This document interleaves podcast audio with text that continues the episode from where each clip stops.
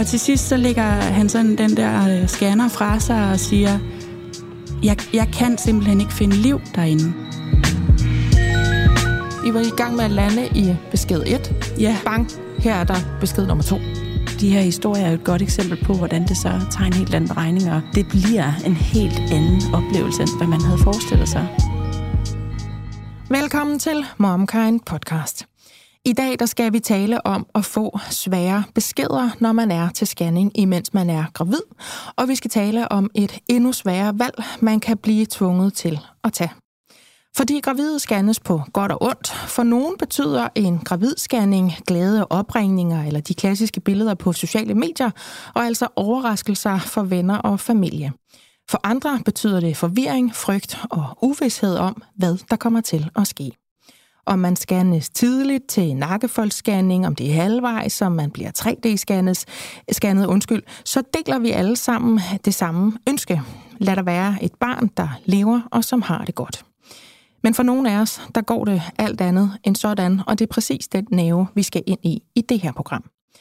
For vi taler om alt fra den bekymring, der bliver til virkelighed på en scanningsbriks, til ventetiden på indkaldelser i dumme, dumme e-boks, til at tage et valg, der vil følge en resten af livet. Vi taler om de tanker om beskyttertrang og det ansvar, der i rejsen mod forældreskabet allerede emotionelt og mentalt melder sig, inden vores børn kommer til verden. Og så taler vi altså også om, når de ikke gør, fordi graviditeten termineres. Det her program spejler dem, der har fået deres drømme knust, dem, der ikke har været øh, så bekymrede nogensinde før i deres liv, og dem, der blev sat i en situation af naturen, som de aldrig havde bedt om, og som skulle tage et valg, de aldrig havde forestillet sig. Og vi er altså vores øh, klassiske, dejlige husjordmor, Anna Forkammer fra Jordmortid. Hej. Vi er sovnepræst Lisette Heidsø, og så ja. er vi sanger, influent og forfatter Jasmin Gabay. Velkommen til jer tre. Tak. Mange Tak, tak for det. En øh, morstatus, Anna. Ja. Du kommer næsten altid sidelæns ind i det her studie. ja. Så hvad er morstatus, udover at du har travlt? Morstatus, øh, ud over travlhed, er øh, simpelthen et øh, nyt kapitel i øh, mit og min mands liv som forældre. Jeg Ja. har jo Vera på 9 år, og Esther er blevet 6 år. Og vi kunne på en eller anden måde set det komme, min mand og jeg. Ja. Fordi vi vidste jo godt, at hun ville blive 6 år. Ja. Men på en eller anden måde, så er hun jo så blevet det. Vores lille, bitte, mindste barn Ja. er startet i førskole. Det er jo så skridtet ud af børnehave. Så på en eller anden måde befinder min mand og jeg os i sådan en form for identitetskrise, hvor vi ikke har små børn mere. Ja. Hvem er vi så? Mm. Det er nogle helt andre ting. Jeg Ja. føler, jeg træder ud af Ja. en æra Ja. nu. Men det gør du også lidt, jo. Det lyder storladen, men det er jo sådan, det er. Nej, men det, hun jeg sover relaterer. jo. Jeg relaterer. at komme ind med det. Hun har de mest utrolige morgengarn. For, altså, det, hun ligner, at vi kalder hende professoren, fordi hun ligner sådan en Einstein, bare uden skægget. Ja. Hver morgen, så kommer hun og siger, ja, yeah, jeg, kom, jeg sov jo bare hele natten i min egen seng og vågnede op, og nu har jeg sovet godt. Og, Vi er øh, faktisk nogen, jeg- der skal i skole. Præcis. Jeg har faktisk brug for at sove om natten. Fuldstændig. Ja. Øh, Så det er sådan, det er en ny tid, og det er helt mærkeligt. Det går jo, det ved I alle sammen, der har børn. Det går simpelthen så stærkt, at man næsten ikke, øh, man begriber det ikke. Og på en eller anden måde, så blinkede vi, født, blinkede ja. tre år, blinkede seks år. Ja. Jeg har ikke små børn mere. Hvad skal vi så lave? Ja. Skal I så bare sove og drikke rosé? Og... Ja, nu er det træerne eller en labrador, ikke? Gå til keramik. Gå til keramik, det er en Ja, rigtig god idé. Jeg har faktisk lige været prøvet at male keramik med Jamen, det sidste uge. Pissehyggeligt. Ja, er Så begynder du bare at lave alle mulige ting, andet end omsorgsopgaver lige Eller pludselig. badminton, præcis. Så det er sådan en helt ny sådan, nå okay, ja, der er sådan et uh, rum, der på en eller anden måde jo Ja. ja. så uh, skal fylde sig af andre ting. Mm, mm. Uh, hvor jeg måske også får en plads. Måske af, af mig selv på et tidspunkt. Ja, så det ja. er alt i alt uh, rigtig godt at kæmpe børn. Ja, mor til, til stort barn. Ja. Ja. Lisette? Ja, jeg er en, en helt øh, anden ende. Morstatus, ja, det er du nemlig. Ja. Jamen, min morstatus er, at jeg, jeg befinder mig sådan et lidt splittet sted, kan man sige. Jeg er, er i sådan en varm og god barselsboble med Ejner, som er 11 uger i dag. Hmm. Og, øh, og ved siden af ham er der så Viggo på 3,5, som er sådan en lille tornado, der øh, virkelig har fundet sin vilje og sin stemme og sin selvstændighed. Og, øh, Og det udarter sig sådan i, at jeg er virkelig træt af at høre mig selv sige nej på tusind forskellige måder i løbet af en dag. Altså, ja. sådan stop, lad være, pas på, Ja. øh, hele vejen igennem. Ja. Så øh, Det er ret opslidende. ja, så jeg er to meget forskellige steder i Ja. løbet af en dag, synes jeg. Also må jeg lige pointere, hvor dejligt det er, at du er det her sted lige nu, når du Ja. har en lille egner, der er 11 uger gammel. Ja, Jamen, jeg er så glad for at få muligheden. Det er skønt Ja. at få lov at fortælle Jeg er så glad for, at også min historie. Ja, ja, det skal du. Jasmin, Ja, en morstatus? ja kæmpe kaos morgen. Øh, børn, der skreg, ting, der eksploderede. Jeg har øh, Jonathan på syv, og Elias på lige om lidt to. Ja. Øhm, og Elias har også fundet sin vilje. Øh, rigtig dejligt. Jonathan ja. har haft den hele tiden. øh, det er vidunderligt med tydelige børn, siger vi meget til hinanden Ja. ja. derhjemme. Ej, er det dejligt med tydelige børn. Ja, det er fedt med tydelige børn. Det er meget tydeligt i deres behov. Ja, præcis. Ja. Det er det virkelig. Mm. Øhm, og de skal, Elias skal ikke bede om at have solcreme på, og det var øh, det, krisen gik ud på i morges. Mm. Øhm, så, øhm, så godt. Jeg har både et stort barn, og jeg elsker at have store børn. Og det er også rigtig hyggeligt med små børn, men jeg glæder mig faktisk helt vildt meget til han lige til han starter i skole. Der synes jeg, det blev sådan... Ej, altså fra fem år. Oh, altså, de er jo pisse søde, når de er Ja. små. Men Ja. altså, Ja, ja.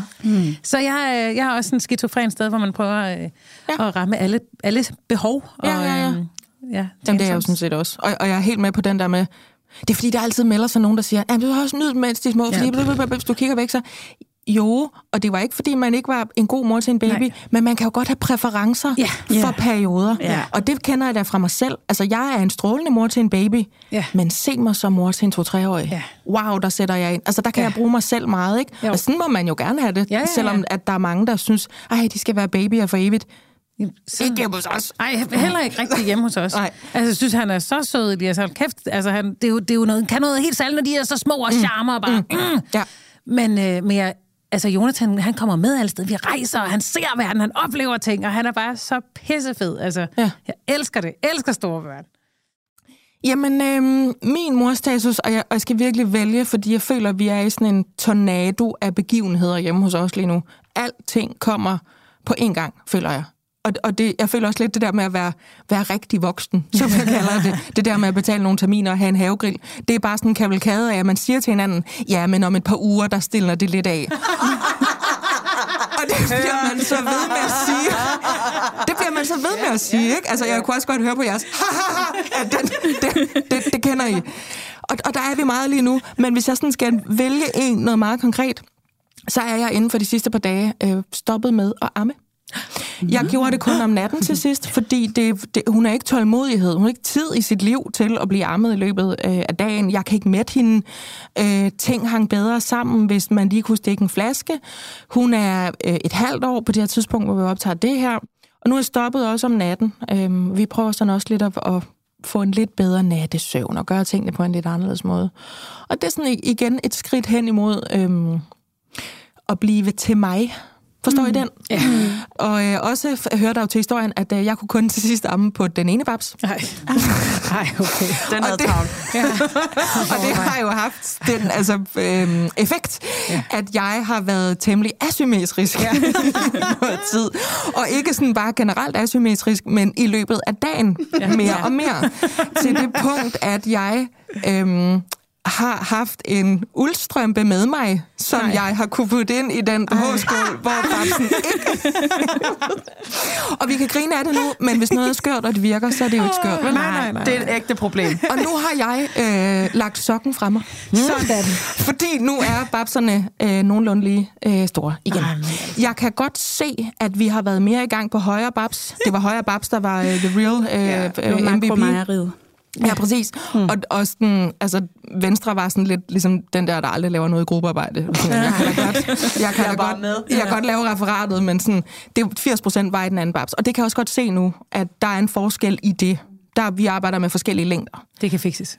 Ja, det kan det nemlig. Øh, og, og hvis det skal, altså det, du ved, it's fine. Ja, ja, det, er tak, også, det var ikke, fordi tak, man skulle have det fikset. Det kan fikses, og det kan rulles op i en BH. Præcis. Øhm, så, så alt er godt, og øh, jeg stoppet med at amme, og det er, en, det er sådan en, ja, vi, vi skal nok ikke have flere børn, så jeg kan lige mærke den på en anden måde, end da jeg stoppede med at amme første gang, ikke? Så det er morstatus, øhm, og så er jeg rigtig glad for, at I vil være med til det her program. Øh, Jasmin, du sagde, inden vi tændte for øh, optageren her, vi skal lige hente nogle Kleenex.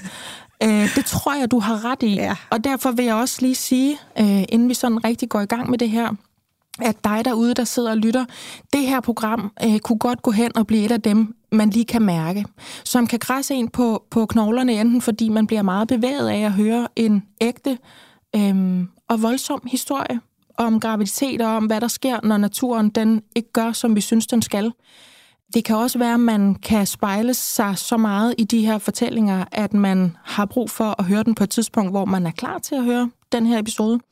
Og det kan også være, at man fysisk, altså helt fysisk, skal være et sted, øh, hvor man ikke er alene, eller hvor man lige kan tage en puster bagefter.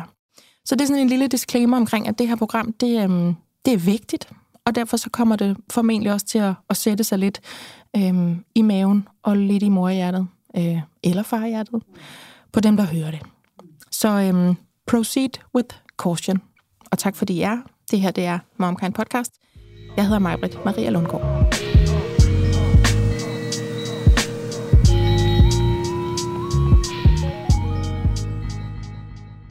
Jasmin, Ja. du har en oplevelse og en historie omkring, selvfølgelig, det er derfor, du er her, lige præcis det her emne med at blive scannet, og så få alt andet end den der, ej, så skal vi hjem og poste på øh, sociale medier, Ja. fordi hvad er det for en besked, du giver mig nu? Du har prøvet den der forvirring, som jeg føler ret meget af naven, i hvert fald første del mm. af det her program, som er, der skete noget, som ikke er det, vi tror, der skal ske. Hvad gør jeg nu? Mm. Prøv at fortælle, hvad det var, øh, du og, og øh, din partner oplevede, da I bliver scannet. Jamen, øh, vi kom ind til 20 års. Vi havde været til, hvad hedder det, nakkefold inden. Alt var godt, gode tal, og det var fint.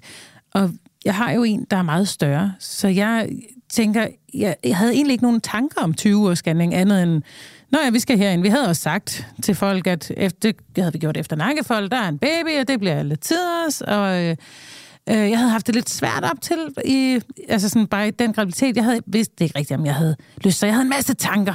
Ja. Men det havde vi så besluttet os for, og så tænker jeg, "Nå, men 20 år, det er, jo, det er jo bare lige noget, man gør.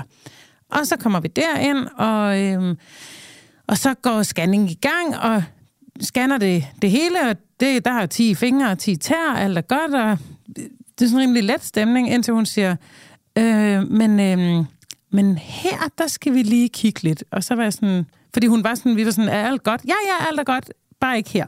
Mm. Så var jeg sådan, nå, hvad er der så der? Ja, du kan se, der er helt sort. Og altså, jeg er ikke sådan vildt god til scanningsbilleder. Jeg synes, det ligner mest en lille flodhest. øhm, så den der lille sorte plet, de scanner, jeg sådan, det, det ved jeg ikke. Hvad er det, der skal være der? Jamen, du kan mm. se, her er der noget, og her er der ikke noget. Det er nyrerne, vi taler om. Og så er jeg sådan, hvad betyder det, at der ikke er nogen nyre? Jamen, det kan betyde mange ting. Ja, men altså, er det, hvad, hvor er vi henne på skalaen? Hvor bekymrede skal vi være?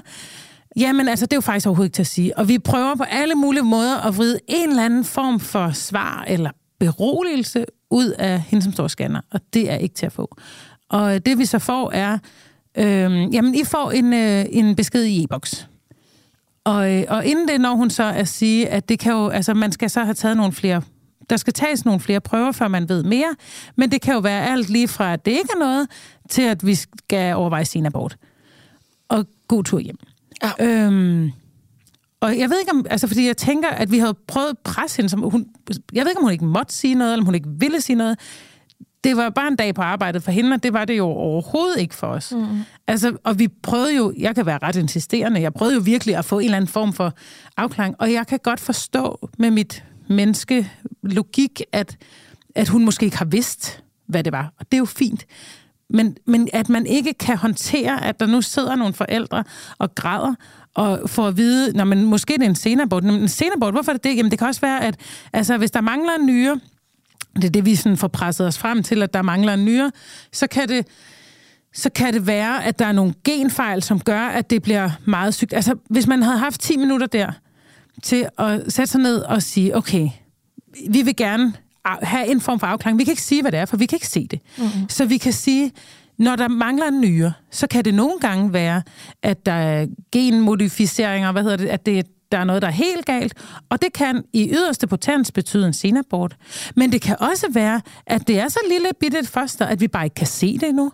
Det kan også være, altså du ved, man kunne have grebet os som mennesker, Ja. hvis man havde haft 10 minutter, mm. i stedet for, øh, vi ses i e-boks. Og det, der jo skete, var, at det sendte os ud i sådan en, fordi der gik en uge, før vi hørte noget i e-boks. Så det sendte os ud i sådan en kæmpe forvirring og en hel masse tanker om, jamen skal vi så afslutte og begynde at undersøge senaborter, og hvordan lader det så gøre? Og så skal man søge om det, og det er ikke engang sikkert, at man kan få lov, hvis ikke at man ved præcis, hvad det er, der er i vejen. Og sådan, der var sådan en masse ting, og tænk så, hvis man søger om senabort, og man så ikke kan få det, fordi at man ikke ved præcis, hvad det er, der er i vejen. At der var så meget, mm. som bare, altså sådan, vi var ulykkelige, vi hulkede en uge, og det var virkelig, virkelig, altså det var så ubehageligt. Ja. Og det var først, da jeg så... Den eneste måde, at jeg kunne føle mig spejlet i, altså fordi min søde mand kunne jo ikke spejle mig. Han, kunne være, han var ked af det med mig. Vi var ked af det sammen. Det var hans største ønske. Øhm, og så, øh, jeg har en Instagram-profil, som jeg bruger rigtig meget, og så sagde jeg, grunden til, at vi har været stille, det er simpelthen, at vi fik den her besked, og jeg ved ikke, hvordan jeg skal forholde mig. Vi er dybt ulykkelige. Lige nu der er der en nyere, men vi kan, vi, vi kan, har fået at vide, at det kan betyde alt muligt. Ja. Øhm, så det er bare der, jeg er. Og så blev jeg væltet af søde øh, Somiland med 500 mennesker eller sådan noget, der skrev, nej, jamen en nyere, det har min onkel også. Jeg har også en nyere. En nyere er helt almindelig. Og jeg er helt med på, at vi jo ikke vidste på det her tidspunkt, hvad det var. Mm-hmm. Men bare det der med, at der var nogen... Den, det kunne hun jo også bare have sagt. Altså, det kunne vi jo så finde ud af bagefter. Ja. En nyere helt... Altså sådan, en nyere fint. Hun kunne jo sagt... Altså sådan, jeg ved godt, hun ikke må sige, hvad det er, men hvis man nu havde givet nogle forskellige øh, scenarier, som det kunne være, øhm, og vi så havde fået... Altså, hvis det bare er en nyre, så er det, det er ingenting. Men jeg føler også meget, at det er den første hurdle sådan, i det her øh, scanningssnak, og i den følelse, som i hvert fald kommer frem i min krop, og som jeg tror, at rigtig mange, der har prøvet at være gravide, kan relatere til. Det er det der med, du skal til at sige noget nu. Du står med den scanner, og du bliver ved at kigge på den skærm, og du, kø, den kører ja. rundt, og mere af det der Ja. ja. på. Hvad er det, der sker med dine øjenbryn nu? Hvad handler Ja. ja. det der om? Er det der et godt fast udtryk, eller er det et skidt fast Ja. udtryk? Det der med, og, og nu siger jeg noget, som jeg godt ved, i forhold til økonomi og logik, og hvordan syges og Ja. skrues sammen ikke giver mening, men hvorfor er det en, der scanner, der ikke må sige noget? Ja. Hvis du potentielt kunne give mig en besked, som kunne make or break, ikke bare mine dage, men Nej. sådan mit liv. Ja. Den der med, det kommer der, det skal du snakke med en læge om. Ja. Jamen, så ring til ham nu. Ja. Få hende herind nu. Ja. Gør, gør noget nu, for jeg kan ikke blive sendt hjem, hvor jeg i desperation opdaterer min indbakke på øh, e-boks øh, hvert femte minut. Fordi det, du lige har sagt til mig nu, er ikke bare en replik for en arbejdsdag, som du Nej. også sagde, Jasmin. Det er noget, øhm, som jeg kommer til at tænke på og ligge vågen over og have mylderbag omkring, indtil jeg hører noget fra jer. Ja. Altså den der, den der sætning med, du bliver indkaldt i e-boks, er det modsatte af, hvad jeg har brug for lige Ja. nu. For du har sagt til mig, at du ikke ved, om det er fuldstændig ligegyldigt, Ja. det der foregår her, eller om jeg måske skal søge om en Ja. ja. senabort. Det er jo kæmpestort. Det er kæmpestort, og det fylder så meget, og jeg er jo ikke den eneste, der har fået den besked. Nej. Altså, det er jo, det er, jeg forstår ikke, at man ikke kan gribe os, der står i det bedre. Jeg forstår ikke, at man ikke kan sende, altså sende voksen. Ja. Altså, det, det har man jo brug for, det er der nødt til at være. Fordi det, det dur jo ikke. altså, Det er sådan et mærkeligt, forvirrende rum, hvor jeg kan huske, at vi skulle scannes med vores første barn. Og jeg har en graviditet uden for livmoderen med mig i bagagen på vej ind til den her øh, nakkefoldsscanning. Så jeg har nogle andre nerver på spil, mm, måske, end hvis man bliver scannet første gang. Ikke? Og så kan jeg huske, at vi sad og snakkede med bilen. Prøv at tænke, om en time, så har vi enten fortalt hele verden det, og så er vi glade. Mm. Eller så øh, sidder vi måske i den her bil, som holder stille ude på parkeringspladsen, og bare græder eller stiger. Mm. Altså det der med, som du også, det er virkelig rigtigt, det du siger, Jasmin, med, det er bare en arbejdsdag mm. for hende eller for ham, der Ja. står der. Men for os, Ja. der har det her været et kryds i kalenderen så lang tid, og vi ved præcis, vi har allerede taget billederne, ja. vi har allerede købt den der sparkdragt, vi har allerede, altså Ja. alt det der, man har parat ja. op i hovedet, og så siger det bare crash, Ja. når der så sker det andet, ikke? mm, I fik så den der indkaldelse i dumme, ja. dumme e-boks, Ja. som jeg kalder det. du er med i boks. Ja. Øh, og så fik jeg, kom jeg ind og skulle have lavet, hvad hedder det, en øh, førsteværensbiopsi, Ja. tror jeg. Eller skulle, skulle mine længere ind? Ved du det? Ja, Men, altså, ja, det, det kommer an selvfølgelig på, ikke, hvad vi øh, har fået. Det ved jeg ikke, men Langt man kan ind i maven. tidligst, øh, du, jeg gætter på, det er en moderkagebiopsi, hvis Ja. I fik taget den. Nej, det passer ikke. Det er nok Nej. en førstemandsprøve, for det var okay. gennemscanning, undskyld. Ja. Du sagde, at de fandt det her fund, Ja. ikke? Så det vil med al sandsynlighed have været en førstemandsprøve. Ja. Den fik vi taget, mm. og så øh, var alt godt i den. Altså, så der var ikke nogen, der var ikke nogen genfejl, øh, fejl. og det var jo så det næste ting, vi stod og ventede på, fordi det ville være det, der var afgørende for, om vi skulle overveje senabort. Øhm, og så begyndte jeg så at blive fuldt meget, meget nært og skulle scannes, altså hele tiden. Og så øh, finder de ud af, ved, jeg, kan- jeg kan ikke huske det nu, det er jo to år siden, mm. og det er fortrængt, det ligger dybt begravet. Ja. Øhm, så tredje scanning derefter, eller sådan noget, så finder man lige pludselig ud af, at der er ikke øh, en, men tre nyrer. Nej, fire nyrer, siger de faktisk først. Og gangen efter bliver det så til tre nyrer. Det, der er meget stor forvirring, og jeg forstår godt, at det her må være svært, for jeg kan jo ikke engang... Altså, hvis jeg ser en flodhest, så kan jeg da godt tænke mig, at øh, nyrer er svært at finde. Men det var virkelig et show. Øh, vi ender så på tre nyrer, og jeg bliver scannet hver tredje uge. Øhm, og så finder man ud af, at der er så noget i vejen med en af de der nyrer. Så vi går fra at have en nyre og, øhm, og måske fejl, og til at have tre nyre, hvor den ene er, er i, der er noget i vejen med det. Det hedder, han har både megaureter og hydronefrose, det vil sige oversat til dansk, at der er en meget, meget lang urinleder, som, og en øh, hvad hedder sådan noget, forstørret, øh, noget noget op i nyren. Det er i hvert fald noget værd juks, og hvis, øh, hvis nogen skal opereres lige med det samme, og øhm, de, altså det vil sige, at hvis de får, hvad hedder sådan noget, øh, blærebetændelse, så kan de dø, fordi det er pis farligt, fordi der, der er så meget. Det, det er sådan, den, de var meget, altså da, da der endelig kom en læge på, var hun meget, meget sådan spændt, fordi at det var så fedt, fordi det var så anderledes. Nå. Den var bare så lang, den der Okay. urinvejsleder. Og sådan faglig begejstret Ja, næsten. faglig, faglig begejstret. Jeg kunne så virkelig, virkelig godt lide hende. Hun var også meget fagligt dygtig, og hun var okay. meget rolig, og hun var... Altså, da først lægen kom på, Ja. der var jeg sådan, jeg er ikke glad for det, du siger, men jeg føler mig tryg i, at du er her. Ja. Hvis det giver mening. Det giver super meget mening. Øhm, så selve det var, var godt. Øh, at vi så blev tabt helt på gulvet bagefter, da han blev født, øh, det- er et andet program. Øh, men han er i hvert fald glad og øh, fuld af øh, vilje i dag, og har en, har en nyre, der fungerer. Han får penicillin. Øhm, men jeg har et barn, der er glad. Ja. Og vi hører til nyreafdelingen, men han, er jo, han skal måske opereres på et tidspunkt. Men han er jo ikke syg, som vi havde regnet med. Nej. Øh, bare i det, man kommer til at have for, øh, hvad hedder det, vi er, øh, er fast på børnenyreafdelingen, og der er jo nogle meget syge børn. Og det er han ikke. Nej. Så Det viser det faktisk godt. den der rejse meget godt, ikke? At man kan ligge der til en midtvejsscanning og få at vide, vi kan være i begge ender af skalaen. Mm. Gå hjem, vent på dumme, dumme e-boks. Ja. Klip til nu, øh, hvor du sidder og i godt humør. Øh, mm. I hu kommer den her læge, Ja.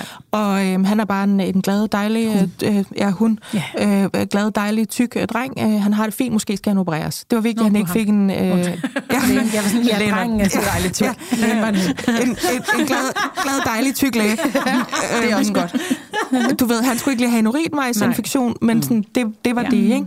Altså den, det kunne man ikke se, fordi det her, det var lyd i en podcast, ja, men altså den tegner. der bølgegang, man kan Ja. være op og ned emotionelt i, Ja. ikke? Um, Men i virkeligheden også, synes jeg, øh, det fortæller rigtig godt, fordi at det lægen jo kom og sagde, var jo heller ikke godt. Det var ikke, så nogen skulle dø.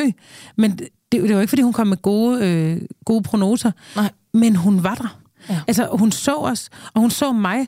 Og jeg er et meget tydeligt menneske også. Eller under, at mine børn er blevet det. Øhm, så jeg, det der med, at jeg, når jeg så siger, nu er jeg urolig, du gør mig urolig med det, du siger, så kan hun sige, det forstår jeg godt. Det kan have det her eller det her udkom. Mm. Hvor jeg bare var sådan, og vi kan ikke sige noget om det, men det er de her ting, vi taler. Altså sådan, Ja. hun gav mig nogle muligheder, hun gav mig nogle scenarier, som min hjerne ikke bare stak af, så man ikke kom til at gå hjem og google, kan jeg læge, hvad er det her? Det er Ja. kraft. Altså sådan, ja. hvor jeg bare sådan, altså man kan, man, jeg blev set, og jeg føler også, at jeg blev sådan, øhm, hun var et menneske. Ja. Mm. Altså, hun skyndte sig heller ikke ud. Hun var, og jeg ved godt, det er pisse travlt. Det har jeg forståelse for.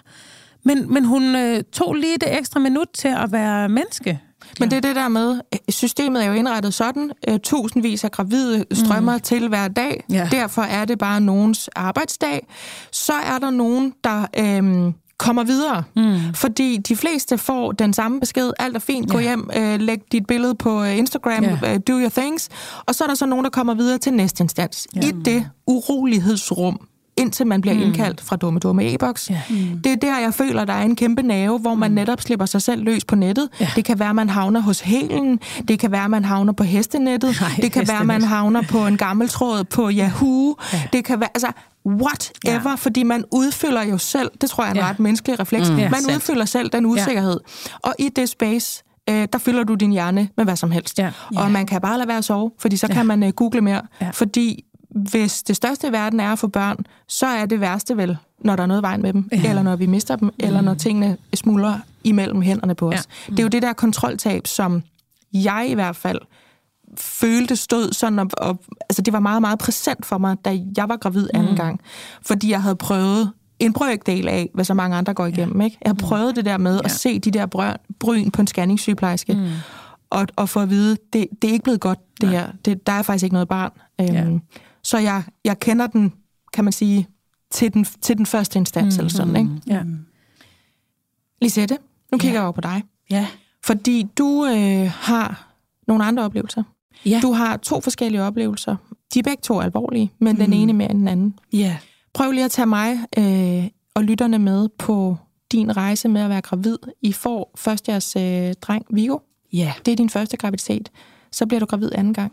Ja, da Vigo er omkring halvandet år, så tænker vi, at vi, vi vil gerne have en til. Og, øh, og ret hurtigt bliver jeg gravid. Og øh, har det rigtig dårligt. Altså sådan, jeg har kvalme og er, er bare skidt tilpas. Øhm, men tænker jo, altså det oplevede jeg ikke med Vigo, men jeg tænker, sådan er det. Graviditeter er forskellige, og det her det er så den, den kvalmende udgave. Og vi skal... Øh, en, en morgen faktisk ligger jeg i, i sengen med Vigo, og, øh, som sådan tumler rundt. Og på et tidspunkt, så vælter han sådan ind i mig og, øh, og rammer min mave, og så gør det simpelthen ondt. Og det gør ondt på sådan en måde, hvor jeg tænker, det er mærkeligt. Eller sådan, det var en underlig følelse. Mm. Så jeg får sådan en fornemmelse af, at det her, det er ikke, øh, der er noget, der ikke er, som det skal være. Øhm, og jeg er i 11. uge på det her tidspunkt, og har sådan set øh, tid til, til 12 ugers scanning den følgende uge. Men går ud til min mand, og er sådan lidt, det, jeg kan ikke vente til næste uge. Det, jeg har virkelig en fornemmelse af, at der er noget galt her. Ja. Så vi tager ind på sådan en, en scanningsklinik, der har akuttider, eller sådan nogle drop-in-tider, øhm, og kommer til. Og, øh, og der er en, en rar mand, der scanner mig, og, øh, og da, da billedet sådan toner op der på skærmen, op på væggen, så tænker jeg, åh, den er jo derinde. Det var da, det, det ser jo fint ud, og han scanner og gør ved, og der går lang tid, og og til sidst så lægger han sådan den der øh, scanner fra sig og siger, jeg, jeg kan simpelthen ikke finde liv derinde. Mm. Øhm, og der, altså der er det som om, at tiden den lige går i stå et mm. øjeblik, og vi er sådan lidt, det, jamen den, den er jo lige der, eller sådan, der mm. er jo det her store billede på væggen af, af det her barn. Og, øh, og han, han, er sådan, han agerer meget fint, og er sådan, øh, nu, nu giver jeg lige et, et øjeblik, og så går jeg ud og ringer til hospitalet.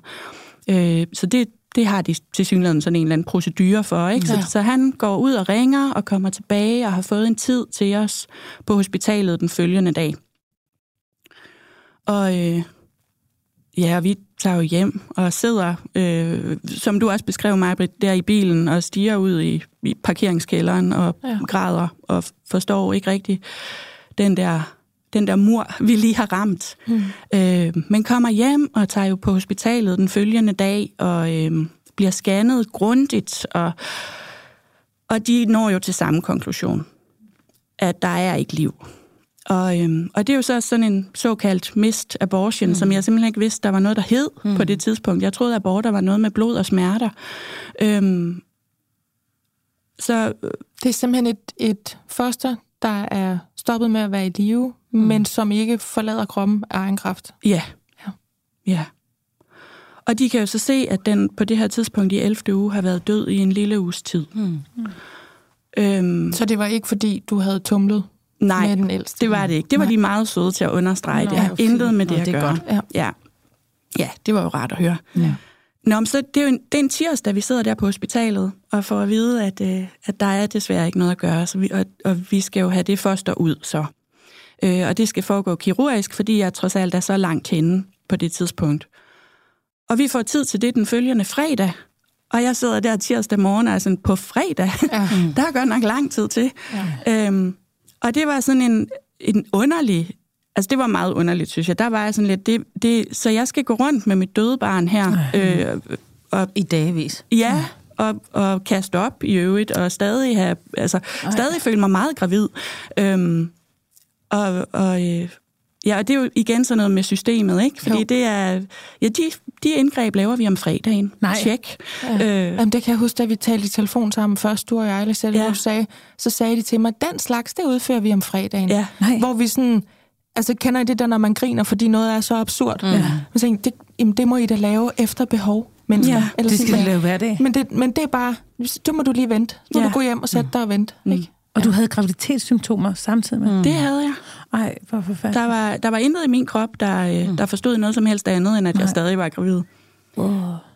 Men så øhm, blev det fredag? Så blev det fredag, og vi kørte tilbage på hospitalet, og, øh, og så blev det indgreb jo lavet, ikke? og man bliver lagt i narkose, og, og, og det, det går jo hurtigt. Altså på den måde, der, der, vi sad jo flere der i venteværelset, for det er jo den dag, man så laver de indgreb. Mm. Øhm, og, og vågnede op sammen på opvågningen. Og, og egentlig, da jeg gik ud der fra hospitalet den dag, fordi man bliver så sendt hjem jo efter et par timer, når, når man ligesom er blevet tjekket, at man har det fint nok, der, øh, der var jeg på en måde sådan lidt lettet. Sådan en, okay, så, nå, så, så fik vi prøvet det, eller sådan, så det... Ja. Øh, så må vi jo samle os selv op herfra ja. og, øh, og fortsætte. Ja.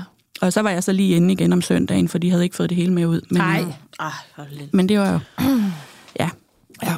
Og så tog vi den igen fra om søndagen. Nu ja, det samler vi os selv søndagen. op. Ja, ja. Ja. Ja. Søndag måtte man gerne komme, eller hvad? Ja, fordi det var jo så sådan lidt mere akut, kunne man sige. Ikke? Ja. Øh, hvor, ja. Men jeg kan godt forstå, jeg godt relatere til den der lettelse, du siger med, nå, så har vi klaret det nu, vi blev nødt til at klare, fordi vi jo lige har talt om, at der var altså lige tre dage, hvor ja. du skulle sidde på sofaen og føle dig meget gravid, men godt vide, at det her, det fører ikke nogen vegne. Ja. Så vil man jo gerne videre i teksten. Det er jo det. Ja. Ja, så er der, så er der sådan en tålmod, eller utålmodighed, der følger med. Ikke? Ja. Og mennesker er jo ret vilde. Ikke? Vi kan jo bære utrolig tunge byrder, øh, men usikkerhed og uvidshed mm. er jo nærmest ubærligt. Ja, Sandt, ikke? rigtigt.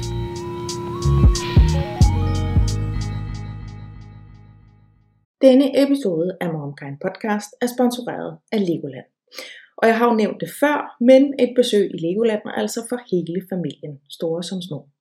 Og gennem sæsonen i år kan du give den gas som en ægte ninja til Lego Ninjago Event fra den 18. maj til den 23. juni, du kan føle gyset, når mystiske monstre holder Danmarks mest uhyggelige monsterfest i Legoland. Til Halloween, det er fra den 3. oktober til den 3. november. Eller du kan mærke julemagien med funklende julelys, sjove juleaktiviteter og et særligt drøs Lego julemagi fra den 29. november til den 31. december. Og tænker du nu, der er jo alt for meget at opleve på bare en dag, så er der råd for det. I kan nemlig overnatte på et sejt Lego-tematiseret værelse på det firestjernede hotel Legoland, eller I kan rykke tættere på naturen i en hyggelig hytte, eller ombord på et gyngende piratværelse i feriebyen Legoland Holiday Village. Byg familieminder for livet, book din billet eller ferie på legoland.dk, hvor du også kan finde alle de andre events og overnatningsmuligheder. Du bliver jo gravid igen, Lisette. Ja. ja så er jeg jo så heldig, at jeg igen efter nogle måneder bliver gravid, for vi jo egentlig, vi har jo besluttet, at vi gerne vil have mm. nummer to, ikke? Mm. Og, øh, og igen er vi glade, og, øh, og jeg har det egentlig godt, jeg har det bedre i den her graviditet, og tænker, at det er nok et godt tegn. Mm. Og vi skal jo til 12 ugers scanning, og, og vi er nervøse, øh, fordi ja. vi, vi, vi har også fået nogle tryghedsscanninger undervejs, fordi mm. det er jo så også en af de graviditeter, hvor jeg sådan går og pletbløder lidt hele tiden. Så det er også lige med til at spæde til bekymringerne. Ja. Men vi skal til 12 uger scanning, og vi prøver jo sådan at være meget. Det, det, det skal nok gå eller sådan, ikke? Der det her er en ny graviditet. Ja, og der er jo også det der med statistikkerne, ikke? Og mm. det er ikke sandsynligt, man bliver ramt to gange i træk, Nej. og dit og dat. Øhm, så det, det prøver vi sådan at læne os ind i. Og vi er til 12 uger scanning, og øh, får nogle rigtig dårlige tal. Mm. De der forpulede tal, ikke? Øh, 1 til 4. Mm. Og, øh, og eftersom vi med vores første barn, der havde vi jo sådan et, der hed en til, jeg ved ikke hvor mange tusind, ja. så, så vi kan jo godt høre, okay, den er gal. Ja. Øhm, og min mand har sådan øh, nærvær nok til at få spurgt, hvad, altså, kan det overhovedet lade sig gøre at få lavere tal? Og, øh, og de siger nej, altså nej, ikke her hos os i hvert fald. Nej, så det var en, faktisk en regulær besked. Ja, det var det nærmest. Sådan ja. følte vi det, ikke? Sådan, ja. øhm, mm. Og vi siger ja tak til at få lavet så en moderkagebiopsi for at få, få endegyldigt afklaret, om, om barnet har trisomi 21, ikke? Mm. Og, øh, og det har det. Vi bliver ringet op kun et par dage faktisk, efter vi har fået lavet biopsien, mm. at, øh, at det her barn har Down-syndrom. Yeah. Og det havde vi jo på en måde forberedt os på, at den besked ville vi nok få. Ja. Og vi var sådan begyndt at, at indhente info mm. og, og prøve at tænke, okay, hvordan kan vi indrette os med det her barn, som jo så får nogle særlige behov, og ja. sådan, øh, hvad... Vi, vi, var ikke, vi var ikke afklaret om hverken det ene eller det andet. Mm. Vi var sådan meget, vi, må lige, vi skal lige lægge alle muligheder ud på bordet og, og finde ud af, mm. hvad, hvordan hvordan kan vi leve i vores familie med ja. det her lille barn? Ja.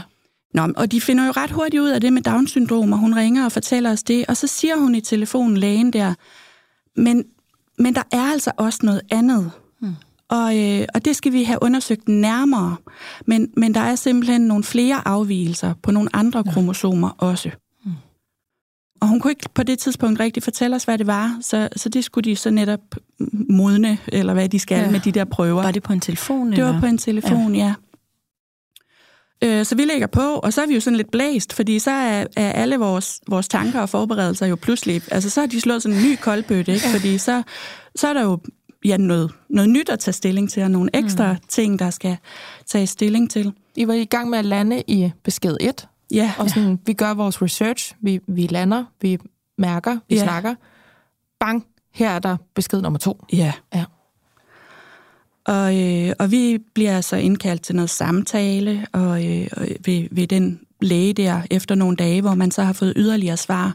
Og hun kan fremlægge, at der er nogle, nogle afvielser på nogle, nogle forskellige andre kromosomer. Og vi er selvfølgelig meget interesserede i at høre, hvad det betyder. Hvad det, altså, hvad det er for nogle afvielser. Altså, øhm, og det kan vi ikke rigtig... Altså, det kan hun ikke rigtig redegøre for. Øh, formentlig, fordi at det kan man faktisk nej, ikke nej. redegøre for. Men det er jo sådan en, fordi vi er sådan lidt, betyder det, at barnet har klumpfod? Fordi det, ja. det finder vi så nok ud af, eller, mm. eller er det... Og vi, vi får så i hvert fald klarhed over, at det kommer helt sikkert til at betyde øh, noget mentalt. Ja. Der kommer til at være en mental retardering, og muligvis også øh, en fysisk øh, handicap. Øh. Ja. Og det kommer jo oven i ja. trisomi 21. Ja. Og så er vi jo straks sådan lidt, okay, så det er på en eller anden måde virkelig en joker. Eller ja. sådan, det, vi ved slet ikke, hvad det er, der kommer ud så. Og, I, mm. og I kan ikke sige det. Nej. Og vi, vi føler jo, jo et kæmpestort ansvar for det her lille barn, som vi venter, men vi føler også et stort ansvar for det barn, vi har derhjemme. Mm. Og for, altså, så vi er meget ja, i syv sind. Ja. Og alligevel når vi jo så frem til, efter mange, mange millioner af tårer og, øh, og overvejelser frem og tilbage, og at, øh, at på en måde var det vel den, den bedste af de dårlige beskeder. Fordi det var ligesom, det var, det var ikke bare i gåsøjne Down-syndrom, det var, det var Down-syndrom plus noget ja, ekstra. Ja, ja. Øhm, og det var ligesom det, der så blev det, blev det afgørende for, at vi valgte at, at terminere graviditeten. Ja. Og, øh, og den beslutning skal vi jo træffe ret hurtigt. På det tidspunkt er jeg i 15. uge. Mm. Og, øh, og jo, jo før, jo bedre, kan man mm. sige, med de der senaborter, ikke? Mm. Og vi, vi når frem til den her beslutning og meddeler hospitalet, at det er så det, vi gerne vil, og kommer ind på hospitalet og sidder igen og snakker med lægen, og, og hun er jo enormt god og meget sådan neutral i sin, i sin måde at, at tale med os om det på, mm. ikke? Sådan hverken for eller imod, bare meget ja. Ja, neutral. Hun er øhm, der, og hun er faglig, og I ja. er trygge ved hende. Ja. ja. Og, øh, og så ligger hun jo det der stykke papir på bordet foran mig, ikke? den her ansøgning om terminering af graviditet. Og, øh, og det, det står for mig som det øjeblik, der, der simpelthen var det mest redselsfulde, tror jeg, mm. øh, at skulle skrive mit navn på den ansøgning. Altså, det er virkelig sådan sort på hvidt mm. skyldig. Altså, det var, det var følelsen, ikke? Det er sådan en her, jeg beder nu om at få lov til at dræbe mit barn, og skriver under på det. Og, øhm, og min mand sidder jo ved siden af mig og holder mig i hånden, og vi er jo helt rørende enige og sammen i det. Men eftersom det er min krop, så er det mit navn, der skal stå på den ansøgning. Og øh, altså det, det, der følte jeg mig faktisk virkelig ensom i, ja. i den beslutning. Mm. Og øh, ja, så er det på en eller anden måde øh, taget, taget ad notam, at, øh, ja. at det har jeg bedt om. Øhm, og vi får jo vi får det jo bevillet med det samme, kan man sige, og bliver så indkaldt til, til også at skulle, skulle terminere den her øh, ja. graviditet. Hvor lang tid går der? Men det kan jeg simpelthen ikke rigtig huske. Det er, det er sådan lidt en grød det hele, men der, ja. men der går et par dage, og, øh, og der er altså også et besøg, hvor jeg, hvor jeg på en eller anden måde, og jeg kan, og jeg kan ikke huske sammenhæng, men jeg kan huske, at der er et besøg på hospitalet, hvor jeg ikke kommer til, fordi der er travlt, og hvor jeg går i panik. Altså, mm. jeg får simpelthen et massivt angstanfald, og, øh, og sådan kravler ned i hjørnet af det der lokale, fordi det, det ved jeg, det, det har jeg prøvet før, ikke? Jeg ved, det, ja. det gør mig sådan lidt tryg, hvis jeg kan mærke, at der er noget omkring mig, ikke? Og, mm. og sidder dernede og, og puster. Øhm, og, og min mand sådan, øh, trækker lidt en streg i sandet og siger, nu, nu tager vi altså hjem, så kommer vi igen i morgen. Ja. Og, øh, og det gjorde vi. Og, øh, og, men, men jeg kan ikke rigtig huske, hvor i forløbet det var. Mm. Øhm. Du fortalte mig, Lisette, da vi øh, talte sammen om det her, øhm, at vi skulle lave det her program, og du gerne ville dele din historie, at det var så absurd, fordi da I kommer ind på dagen, hvor du skal have lavet øh, det indgreb og have termineret graviditeten, der sidder I og ser fjernsyn. Ja. Ja, prøv at fortælle om det.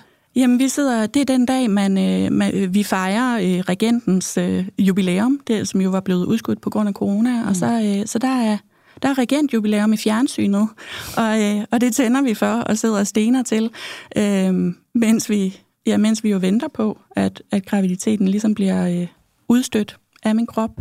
Øh, der, øh, jeg tager de her piller jævnligt, øh, sådan med nogle timers mellemrum, ikke? Og, øh, mm. og venter på, at graviditeten jo jo så skal, jeg skal komme, komme ud. Mm. Øhm, og imens sidder vi og kigger på det her tog, der kører gennem Danmark, det der kongetog, eller royal tog, eller hvad de kalder det. Og øh, det er sådan en underlig, altså det er jo bare, det der, der er en virkelighed mm. derude, mm. hvis man kan kalde det en virkelighed, men i hvert fald sådan en... Jeg er helt med øh, på det der. Mm. Ja. Det bliver absurd. Ja, og her sidder vi og ja. venter, øh, ja. og, og keder os også, og er sådan, altså det er jo virkelig sådan en underlig... Øh, position at sidde i, ikke? mens jeg tager de der piller med jævne mellemrum, og, og mærker jo, at kroppen efterhånden begynder at vise tegn på fødsel, og, og fordi det jo er en lille fødsel der i uge 15, ikke? Mm. Og, øhm, og så på et tidspunkt får jeg det skidt, og jeg skal kaste op, og det skal bare være nu. Og, øh, og min mand griber skraldespanden, som er det, der er nærmest. Og, øh, og jeg kaster meget voldsomt op i, i skraldespanden, og mens jeg gør det, kan jeg så mærke, at, øh, at det her lille foster kommer ud i den her store blæ, som jeg har iført, øh, fordi blødningen jo også er taget til i løbet af dagen. Og, øh, og jeg får, ja, jeg bliver færdig med at kaste op og kigger ned i, i blæen og kan se det her, jeg ser simpelthen en lille bitte fod, der, mm. der ligger der i, øh, i blæen og og får trukket i alarmen, og sygeplejersken kommer, og og hun får bukseret trusserne af mig, og, og siger, jamen det er også, det er også rigtigt, nu er, nu er den kommet ud. Og øhm, om vi vil se den, om, om hun skal gøre den i stand, så vi kan se den. Og på det tidspunkt, der, øh, det kan jeg ikke magte. Mm. Altså, så der er jeg sådan lidt, nej, det, nej tak, egentlig. Og det har jeg tænkt efterfølgende, om det var det rigtige valg. Mm. Men det var det, det var det, var det der. Det var det, ja, eller sådan. det var det, jeg kunne det var det, var på det der. tidspunkt. Ja, ja, det var det. Og øh, ja. det, det er Lisette, der fortæller, sidder og fortæller det her, og har oplevet det her. Men det er egentlig dig, der er, mest behægterne lige nu. Ja. Øhm, det bemærker jeg bare lige. Øh, vi sidder her i studiet, og det tror jeg ikke, man kan være i tvivl om, når man lytter til det her. Det her, det er en stærk fortælling. Altså, det er virkelighed. Ja, det er det. Ja. Og det er jo, det er jo min virkelighed. Ja. Og derfor er det jo også sådan en... Øh, jeg har gennemgået det her i mine tanker og i mine og jo i samtaler mm. med folk mm. en milliard gange, ikke? Så, så ja. Var det, undskyld, var det, dit, var, det, er det, var det dit valg, at det skulle gøre kemisk, eller er det det, man får tilbudt? Det er det, man gør. Fordi det, det skal helst komme ud vaginalt. Sådan forstod jeg det. Altså man kunne ikke... Hvor, hvor det der tilbage i uge 12 var, var en, øh, øh, jo sådan en udskrabning, eller hvad de kalder det, ikke? Så, øh, så skulle det der være en fødsel. Nå. Øhm, Anna kan øh, fortælle os om øhm, øh, de faglige op og ned i det lige om lidt. Og inden jeg stiller om til jordmoren, som jo altså også ved noget om det her, og, og ved, øh, er vant til at assistere osv., så, så vil jeg bare lige binde sløjfe lige nu på den historie, Lisette, som var, at du sagde til mig i telefonen, folk kan godt have en tendens til at gerne vil give mig sådan et trøsteklap på skulderen, mm. og fortælle mig, at det valg ville de også have truffet. Eller fortælle mig, at det kan vi se i statistikkerne, at det ville langt de fleste også. Mm. At det var det rigtige valg. Ja. Men du ser det ikke som et rigtigt valg. Nej. Nej, faktisk så, øh, jeg har oplevet øh, mange gange øh, netop, at folk de er sådan, "Am, det var, det var nok det rigtige, eller det var nok for det bedste. Ja. Øh, og jeg har også oplevet det ved min læge, simpelthen, da jeg bad om en sygemelding efterfølgende, ikke? at han meget direkte sagde, ej, det er jo det rigtige valg. Og hvor jeg var sådan, det er det simpelthen ikke. Det er, det var det valg, jeg traf, eller vi traf, og, øh, og det har vi gjort med åbne øjne, og, og jeg tager det på mig, og jeg lever med det, men det var ikke et rigtigt valg. Det var forkert på alle måder. Altså, det var, det var et redselsfuldt valg. Og øh, jeg, jeg har egentlig ikke brug for at blive trøstet. Jeg har ikke brug for øh, at, skulle, skulle have frataget den der skyld, eller, eller hvad jeg skal kalde det. Sådan en, det. Den vil jeg faktisk gerne bare have med mig. Ja. Det her, det er, det er min historie, og det, det var et valg, jeg traf, og det tager jeg på mig. Øhm, så jeg bryder mig ikke om at få at vide, at det var rigtigt. Mm. Jeg, vil, jeg vil gerne... Det var, ja, eller også der var det i hvert fald både rigtigt og forkert. Det var, ja, enten var det begge dele, eller også var det ingen af delene. Ja. For det var det valg, der blev taget i den situation, vi var i, og der Ja. var ingen af delene, vi havde forventet eller havde lyst til. Nej. Anna, Mm-hmm. nu har du jo øhm, pænt været helt stille og lyttet, og det er jo fuldstændig med vilje, at jeg gemmer dig mm. Mm. til sidst. Mm. Hvor har du lyst til at starte henne her? Jeg ved, der er øh, en million ting inde i Mm. dit hoved, og at du lige nu er øh, bevæget Mm. øh, som Anna, Mm. men du også er øh, opvagt som jordmor. Ja. Jeg har siddet sådan og lavet nogle forskellige øhm, mentale indslag, nedslag på en eller anden måde. Efter at have hørt de her to jo utrolig forskellige, men alligevel sådan øhm, beslægtede historier. Historier om ventetid, uafklarethed. Og også tænkt over, hvordan sådan scanninger, der jo er så almindelige nu, altså for de fleste af os, de er jo tilbud ligesom alt muligt andet, men er så almindelige for os at tage imod, at det bliver sådan nogle, og som, og som vi sidder og taler om dem nu her, de bliver sådan på en eller anden måde sådan nogle sociale portaler til næste kapitel. Det er sådan en mærkelig, øh, sådan en, øh, en ting, man skal igennem for at være clearet, eller for at føle sig tryg i, øh, i graviditeten, eller tingene er, som de skal være. Mm. Og det er jo et, øh, de her historier er jo et godt eksempel på, hvordan det så tager en helt anden regning, og det bliver en helt anden oplevelse, end hvad man havde forestillet sig. Og den oplevelse bliver så determinerende for alt fremad, for de vanvittige beslutninger, man skal træffe. Mm. Og jeg kom sådan til at tænke på, jeg kunne bare godt lige tænke mig at gribe det sådan seneste, du sagde, lige sætte med den rigtige beslutning.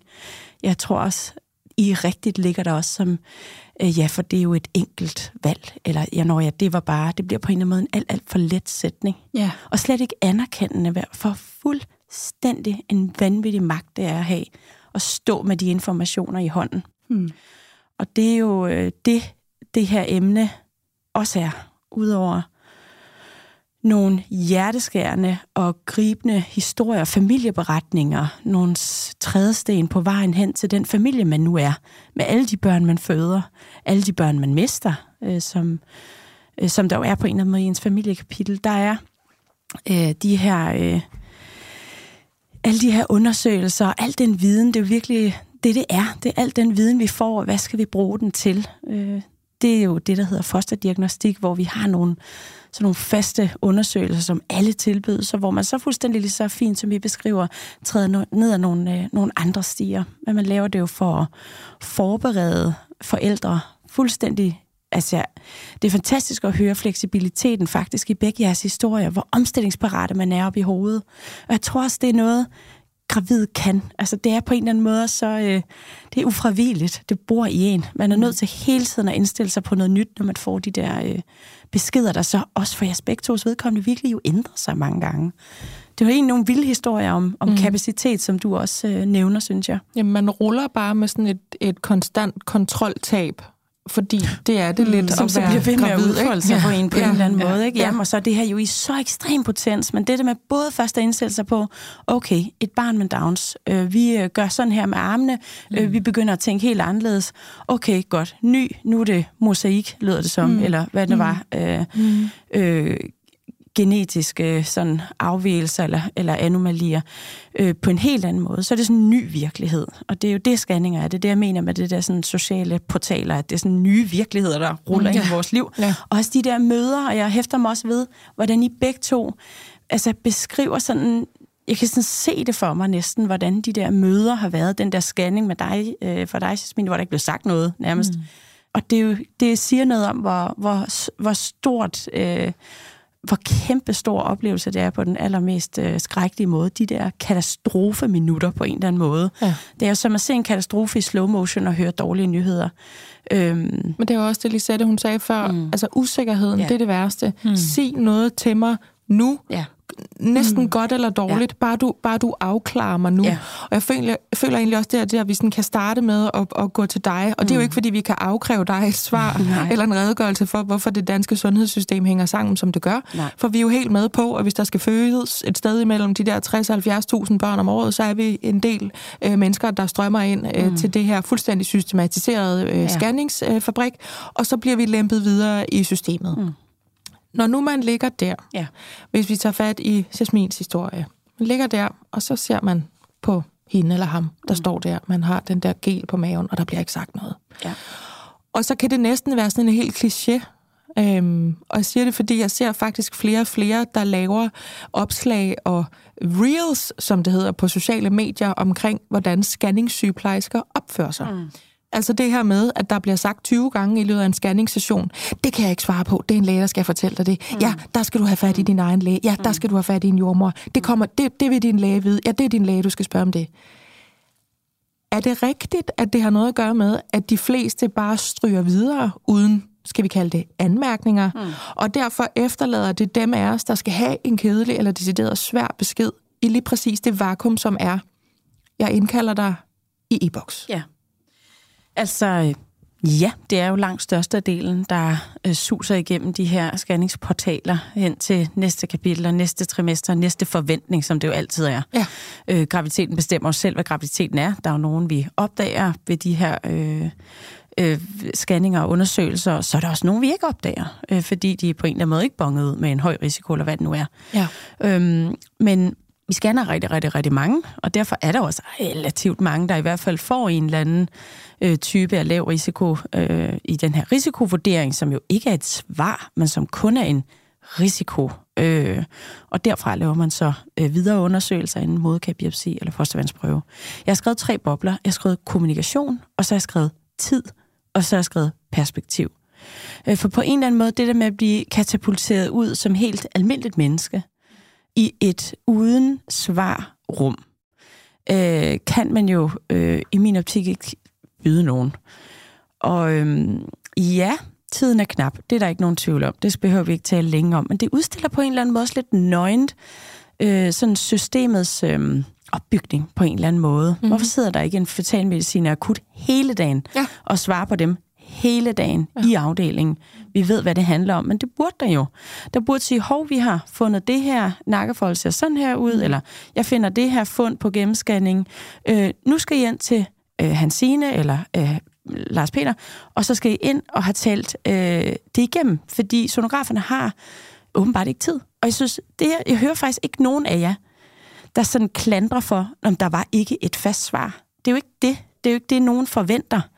Øh, I forventer ikke, at dem, der sidder sonografer, øh, som er dem, der kan være sygeplejersker eller jordmorbaggrund eller andre, øh, skal vide det. Skal vide det. Mm. De er jo heller ikke øh, scanningsguder, alvidende øh, indkigningsorakler, der ved alt.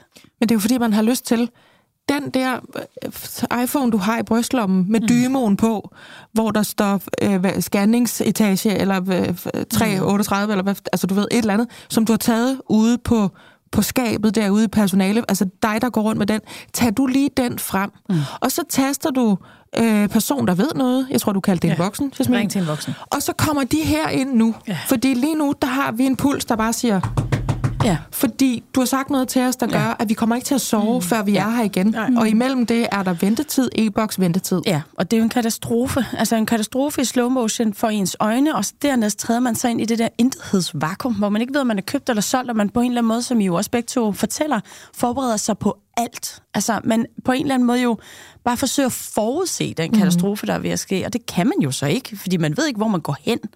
Øhm, så, så det der med, at der ikke bliver bundet en sløjfe eller en perspektivering, øh, det synes jeg er, er øh, voldsomt relevant kritik af den måde, ligesom screeningssystemet, som det jo er, øh, er opbygget på. Også selvom man godt kan forstå med, du kaldte det menneskehjernen, ja, ja. at det er sådan, kan man godt sige, men det, men det er sgu ikke så hensigtsmæssigt. Nej. Men jeg tror også bare, at det, man, for, man, øh, man har jo bare brug for at vide, jeg kan se det her. Ja. Det kan betyde ja. ingenting. Det kan også betyde, at der er noget, jeg ikke kan se, ja. og derfor er alt godt.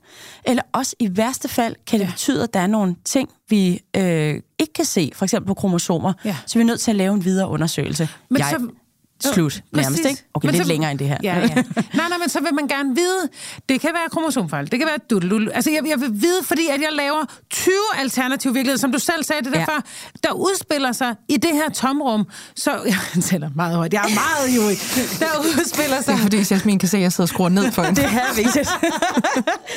der ja. udspiller sig så mange alternative virkeligheder, og det er jo dem, man bruger så ufattelig meget energi på at lave og udspille, hvor at hvis du har indskrænket det mm. til 5 eller 10, i stedet for de 50, mm. jeg er gået i gang med, mm.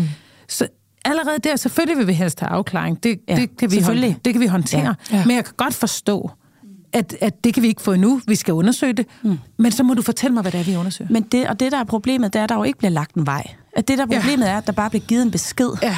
og så forventer man, at I der øh, ingen, ingen sådan øh, forudviden ja. om det her jo utrolig mystiske, utrolig nørdede felt, ja. som alt det her med genetik og mm. risici og ekstra undersøgelser jo er. Mm. I har ingen chance for at navigere mm. i det. Hvordan skal jeg overhovedet vide, hvad I skal google? Ja. så på en eller anden måde, ja. der, at der ikke bliver lagt de der trædesten for jer, er jo bare altså, utroligt forkert. Mm.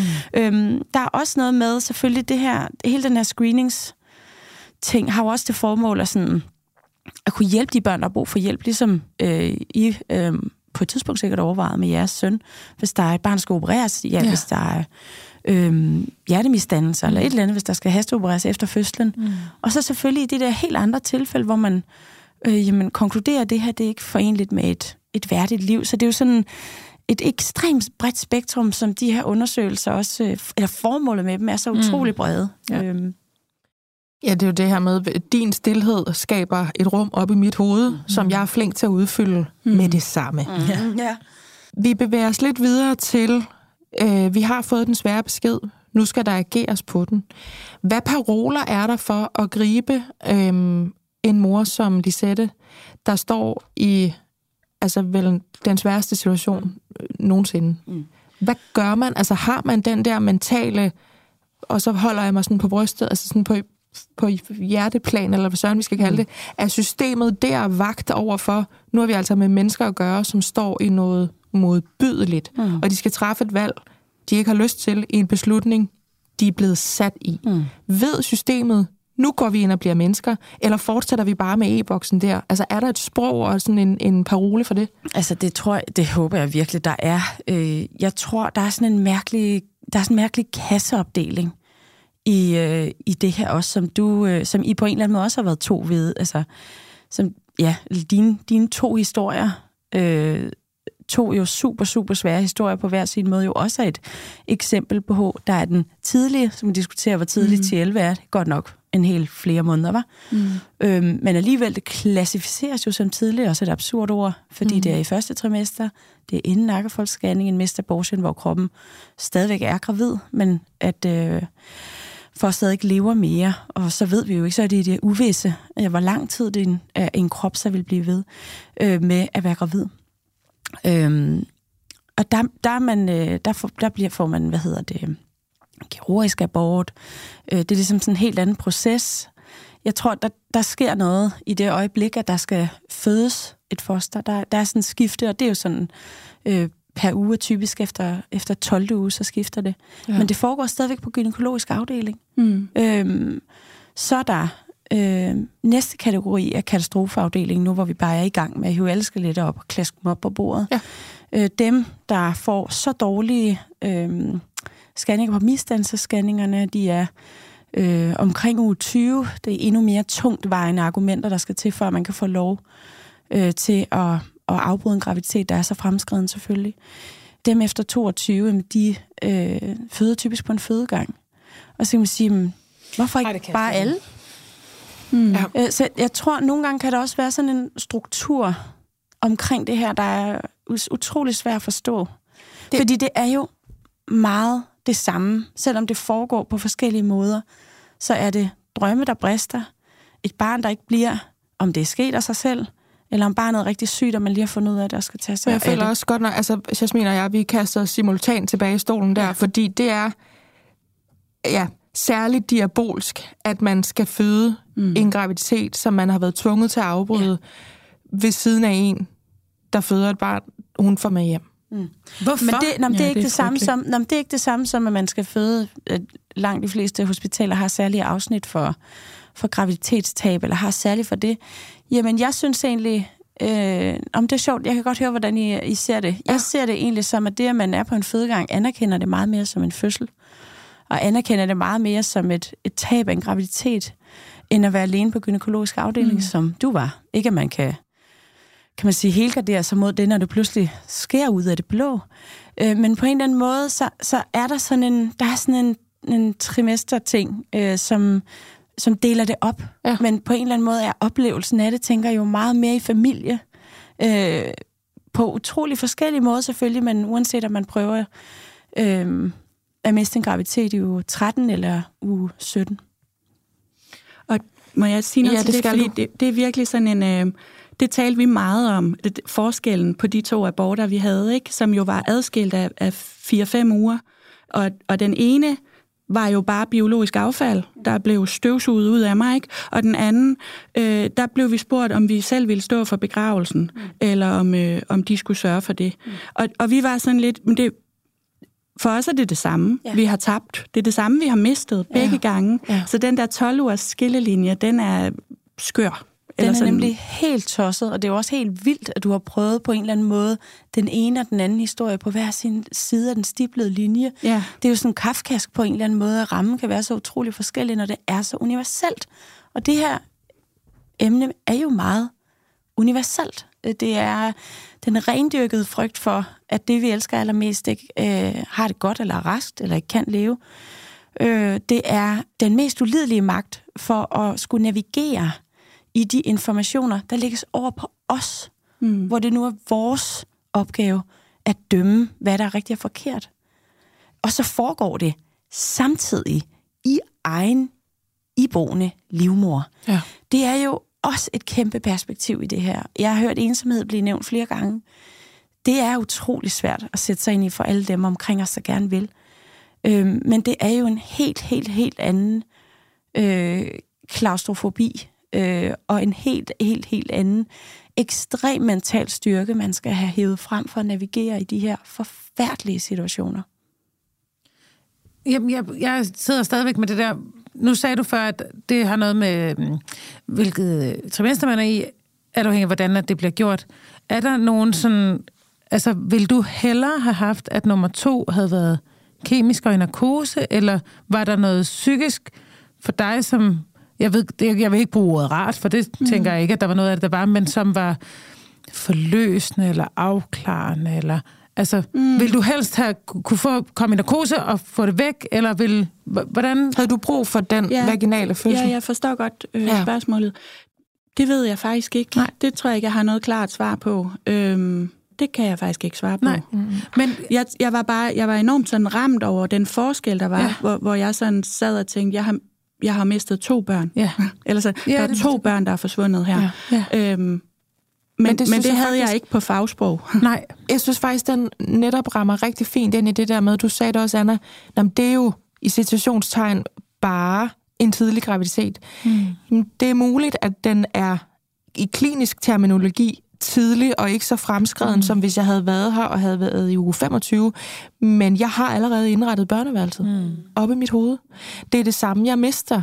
Så det, mm. det, er så, det, er så, det bliver så klart lige præcis, hvad det, hvordan det sådan clasher de der opfattelser af, hvornår noget er noget, eller et barn er et barn, eller en, en drøm kan sådan få lov at blive set og, og sådan anerkendt i systemet på en eller anden måde, at først så var det, det var dig, der sagde det, det biologisk affald, ikke? Mm. og med den anden, der var det, hvordan ønsker I at, at gribe øh, en begravelse an, ikke? Ja. Og for mange, der er det det samme. Mm. Mm. Ja, følelsesmæssigt. Ja. En, en, den den øh, fuldstændig centrifuge følelsesmæssigt, man skal igennem ja. som forældre. Mm.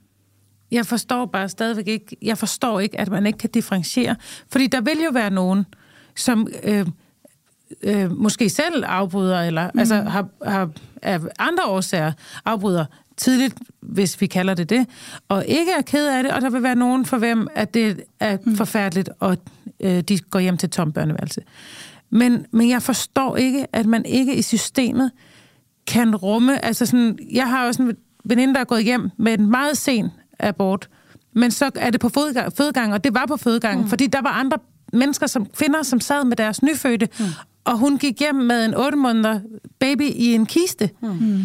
Det er jo det er skrækkeligt. Jeg forstår slet ikke, at vi ikke har et system, som kan mm. rumme det. Mm. Jeg synes, det er for, forfærdeligt. Altså. Heldigvis. Ja, ja, heldig, ja, det er meget svært at sige. Ikke heldig, øh, nej, men nødvendigt og ja. rigtigt er der, øh, bliver der åbnet flere og flere af de her særlige afsnit. Og det er, du kan tro, det er ikke kun... Øh, dem, der skal føde, og de pårørende, det er også noget, der presser jordmøderne helt mm. vildt. Mm.